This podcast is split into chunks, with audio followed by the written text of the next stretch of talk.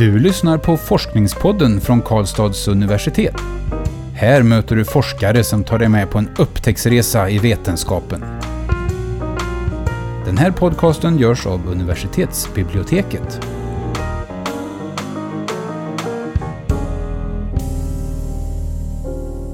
Hej och välkomna till Forskningspodden. Mitt namn är Karin. Och jag heter Magnus. Idag gästas vi i studion av Sol Agin. Varmt välkommen Sol. Tack för att du fick komma. Din forskning handlar om klimatrörelser och deras sätt att kommunicera. Och nu finns din avhandling Communicating Climate Action Combining Action Repertoires and Linguistic Repertoires in Social Movement Message Construction här på bordet. Kan du utveckla det här? Vad handlar avhandlingen om?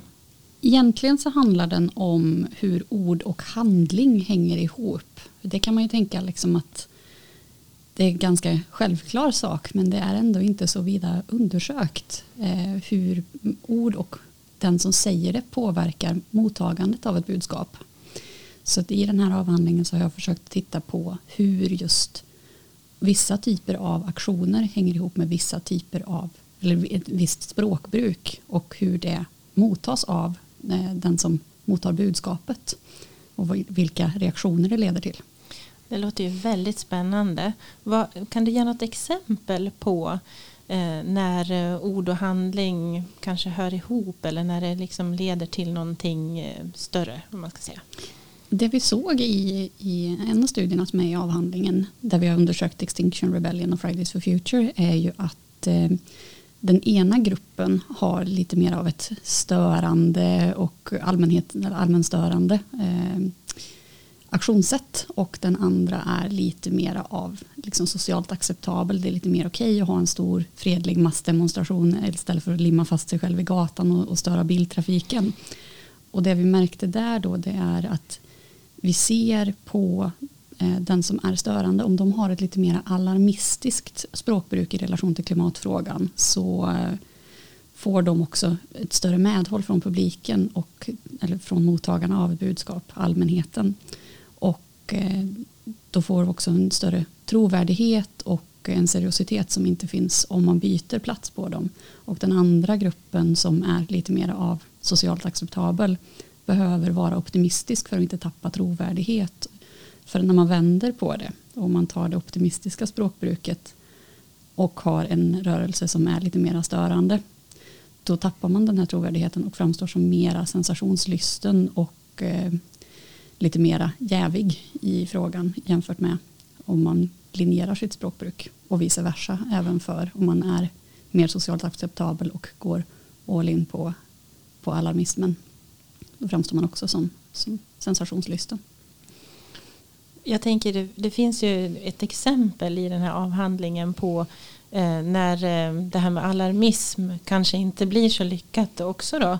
Eh, just man pratar om det här med klimatkris. Alltså att Ehm, det har blivit lite urvattnat eller vad man ska säga och då jämförs det med ozonhålet på 80-talet. Mm. Eh, just att det löste vi ju ganska bra i och med att man gick ut på bred front med det här med ozonhålet.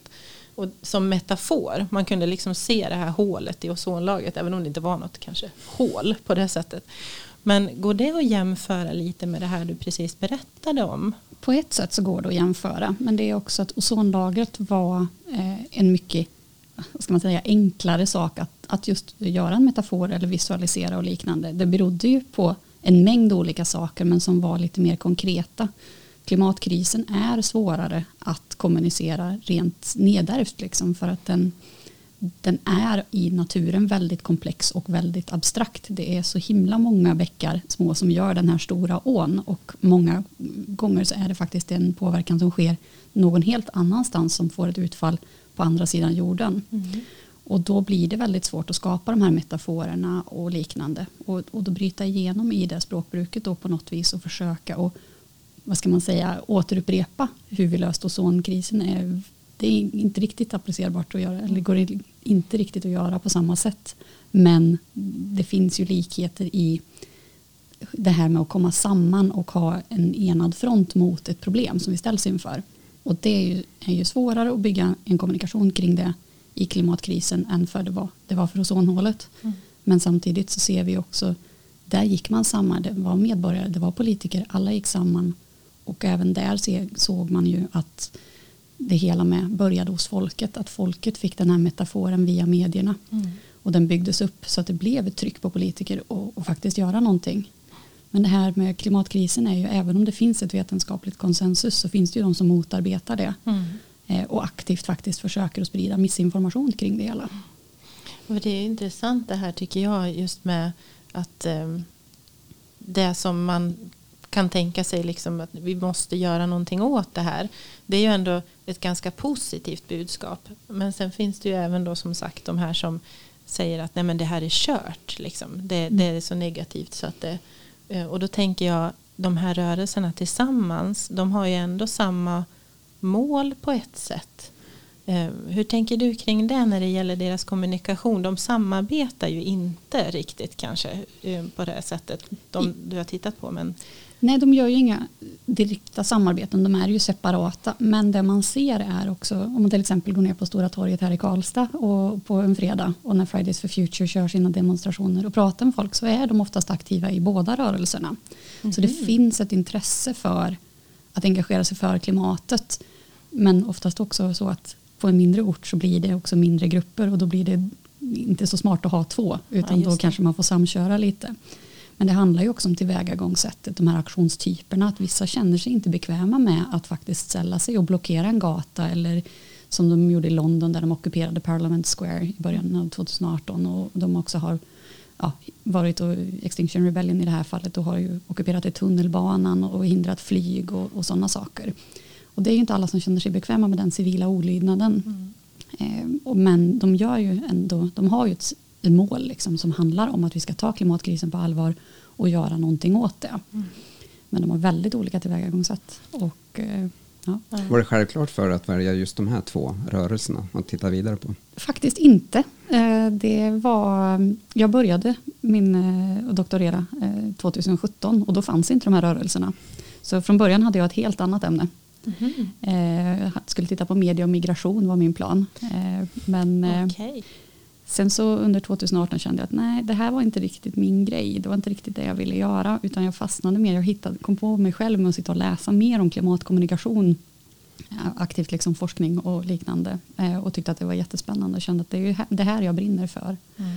Och, och det är väl det man som när man doktorerar så det gäller att välja ett ämne som man tycker är spännande och som man brinner för. Mm. Eh, och då bestämde jag mig för att jag ska nog byta. Och då var det precis när de här två rörelserna kom. Så då började jag med att kartlägga. Så den här avhandlingen är en sammanläggningsavhandling.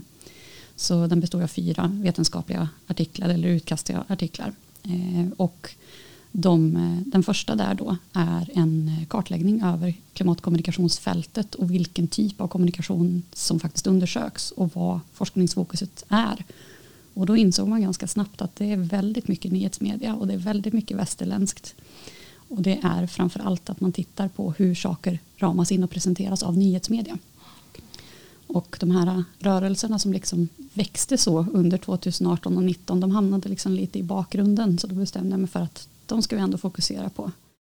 I, bakgrunden forskningsmästigt menar du? Ja, att ni, ingen som har tittat på dem så mycket? Ja. Nej, det kommer mer och mer. Eh, väldigt mycket framförallt på Fridays for Future från Tyskland. Eh, eftersom där de är också väldigt stora.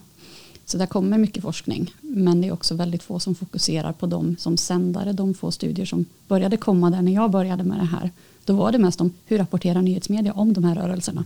Kan du berätta mer om hur du har gått tillväga och kanske lite om de andra delstudierna också? Eh, den andra delstudien är baserad på europeisk eh, enkätdata eh, gjord i ett antal, stort antal europeiska länder så det är ju en 50 000 enkätsvar eller någonting sånt där om jag kommer ihåg rätt. Ehm, och där har jag valt att titta på just människors vilja till att delta i de här olika aktionstyperna. För att när man pratar om sociala rörelser så finns det jättemånga olika typer av aktioner och då har jag utgått ifrån främst Charles Tilly och Cindy Tarrow i det här och pratar om de här aktionsrepertoarerna och då brukar man klassificera dem som tre. Man har den konventionella, man har den disruptiva och den våldsamma aktionstypen.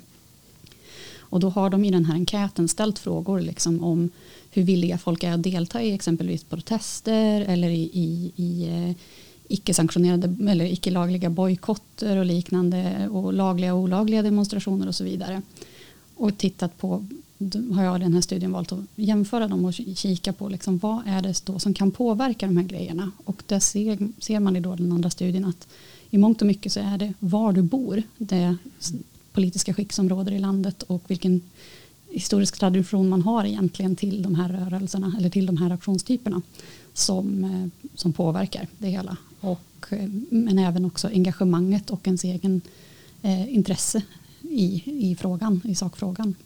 Inte så mycket vad medierna faktiskt rapporterar. Vilket gör ju då att det blir väldigt intressant att gå vidare och titta på språkbruket hos de här. För om det är de som är mest aktiva i de här rörelserna som har ett intresse då finns det ju någonting bakom där som gör att de har fått det intresset. Och det är ju antagligen för att de har på något sätt, ja, man ska väl kanske inte säga marknadsföra sig i och med att det är, det är ju sociala rörelser så det är inte, man får ju bort den här institutionaliseringen. Mm. Eh, men man har, de har ju ändå kommunikationskanaler som de når ut till folk igenom. Och då tänker jag att aktionstypen kan man se som en förlängning av det som faktiskt kommuniceras Eh, och är då någonting, deras budskap, deras kommunikation är ju kombinationen av språkbruket och aktionstypen.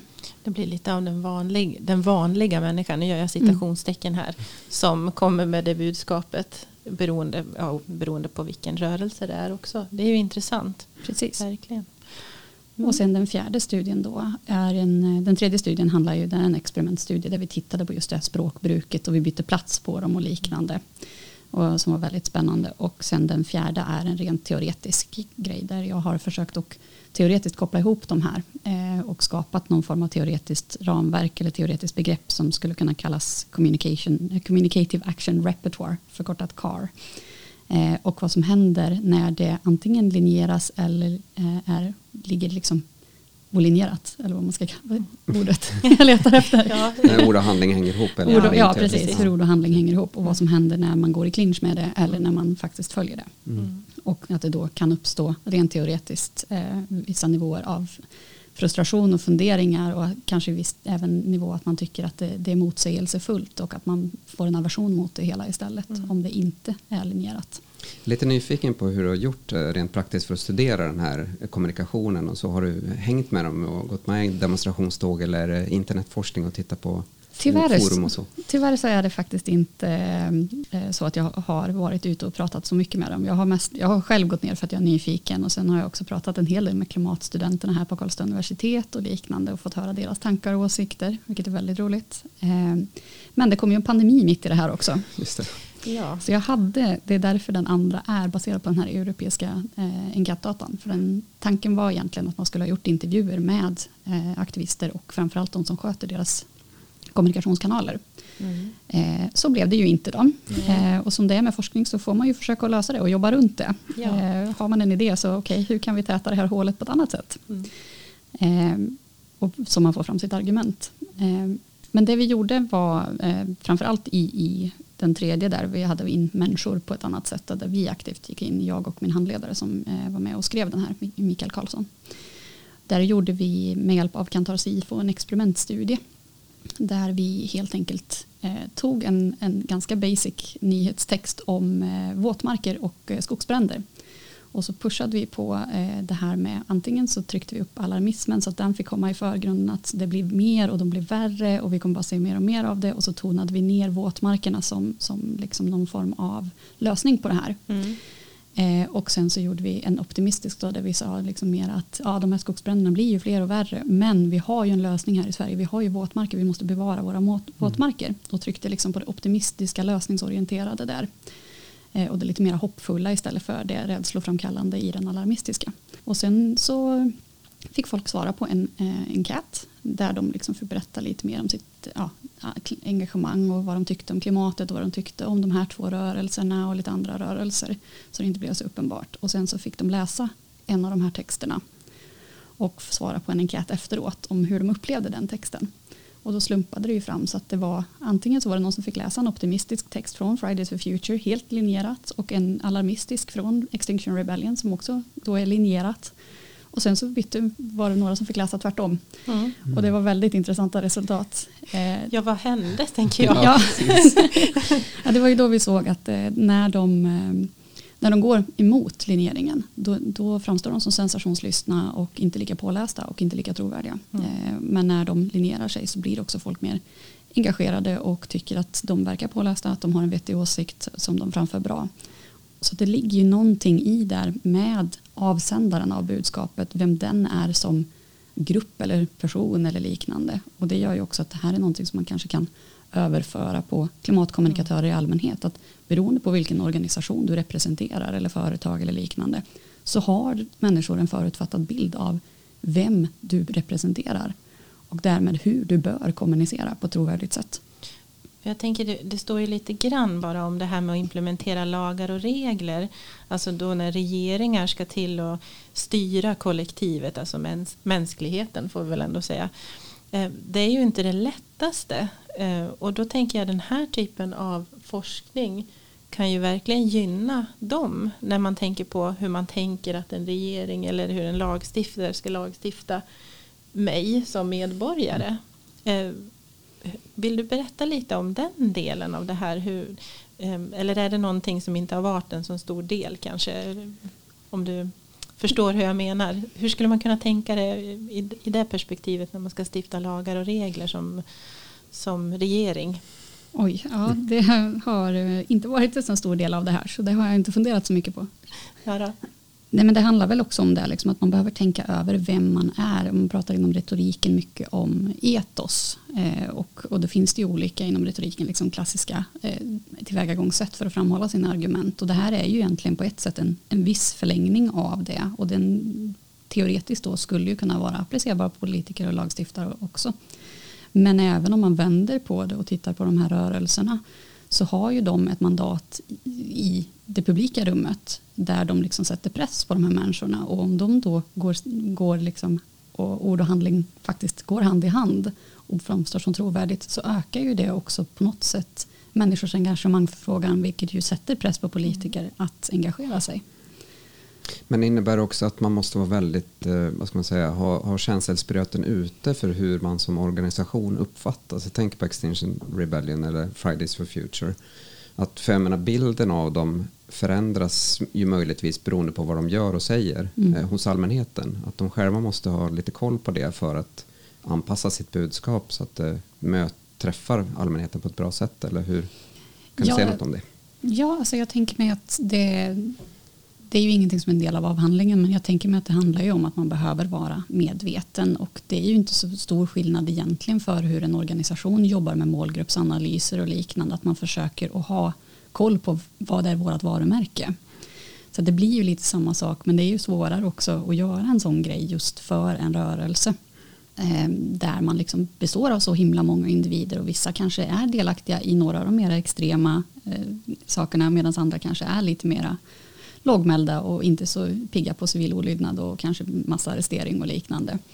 Eh, så där, där finns det ju liksom någon form av, av koll man behöver hålla på det här. Jag, jag tänker det måste vara väldigt svårt för det är väl också ganska platta rörelser. Alltså det är inte så en tydlig hierarki, någon som bestämmer att det här ska vi säga utan det är väl det som är poängen med mm. rörelse. Att att det är ganska demokratiskt eller, eller ja, Precis, tillplattat så. Väldigt tillplattat och i många fall också väldigt oorganiserat. Mm. För att annars så kommer vi ju till det här som, ja, men som tar Greenpeace som exempel som är en sån här rörelse som växte fram som en gräsrotsrörelse.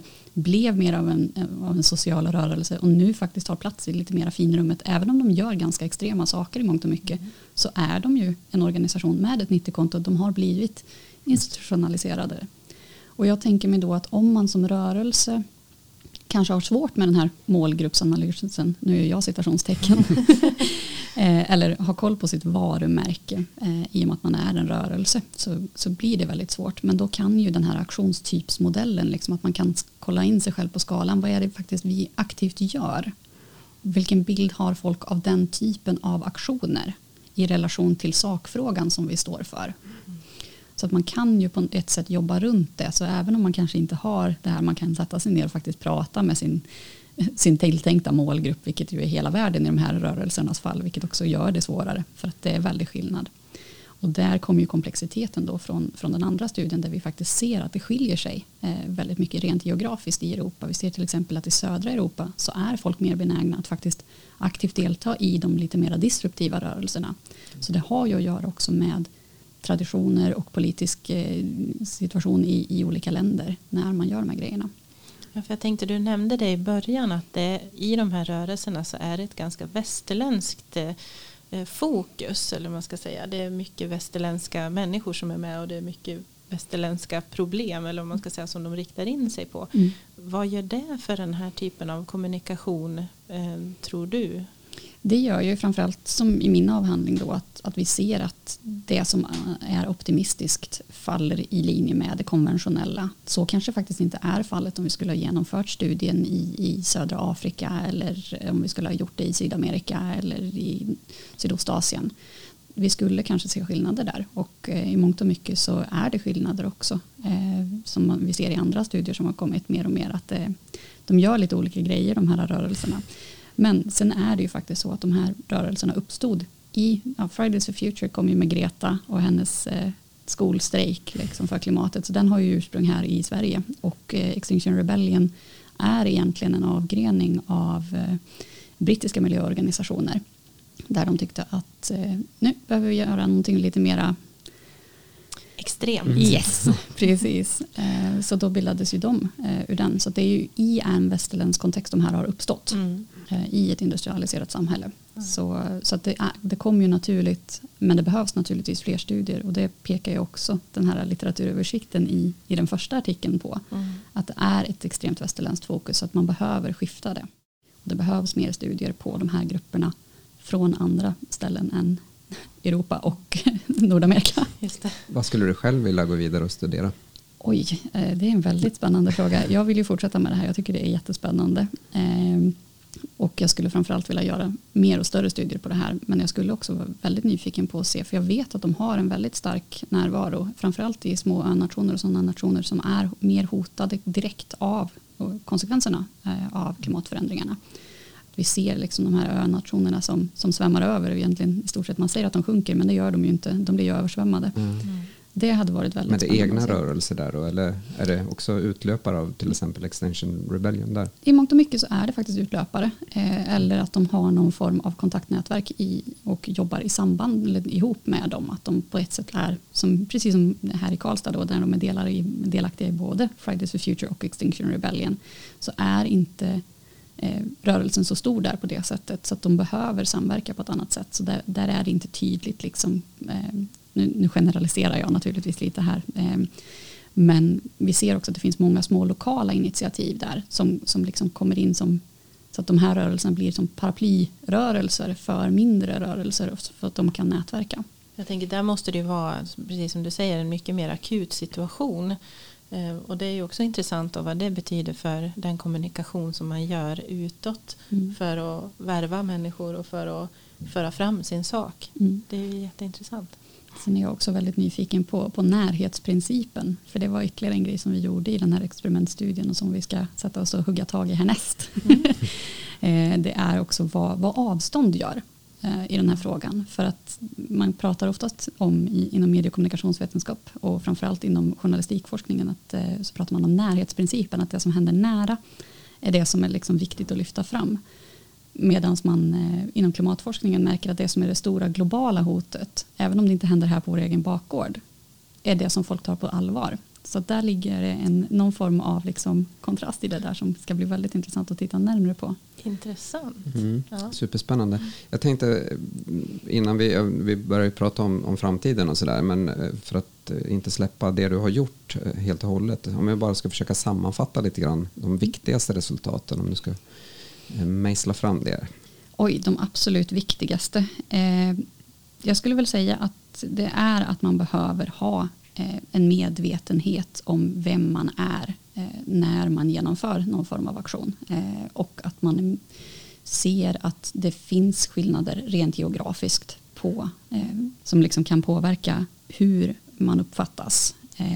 Och att det har att göra med samhället. Så det gäller ett av mina favoritresultat är att man behöver vara medveten om sig själv men också om sin omvärld och vart det är man verkar. Och att man behöver verkligen tänka på, på språkbruket. För det, det spelar verkligen roll. Och om man inte följer det så kan det gå ganska dåligt. Men sen är också en av mina grejer som är ett tänkbart resultat ska jag väl säga eftersom det är i den teoretiska eh, artikeln. Just det här med vad det innebär om man inte linjerar sig och vad det kan få för konsekvenser hos mottagarna och att det faktiskt är någonting som kan vara applicerbart på fler nivåer. Vad menar du med fler nivåer där?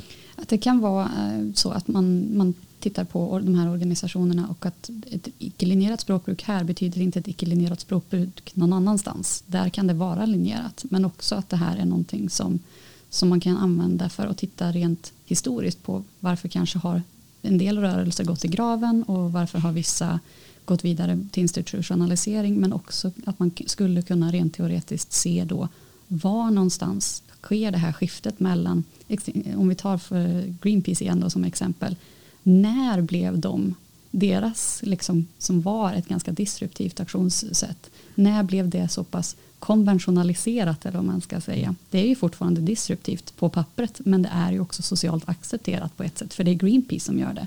Så när någonstans där flyter de här ihop det har blivit ett hushållsnamn. Ja, jag måste få, jag tänker det är superintressant då, hur, om du kan säga alltså, vad, vad kan du se i framtiden för de här två rörelserna som du faktiskt har tittat på?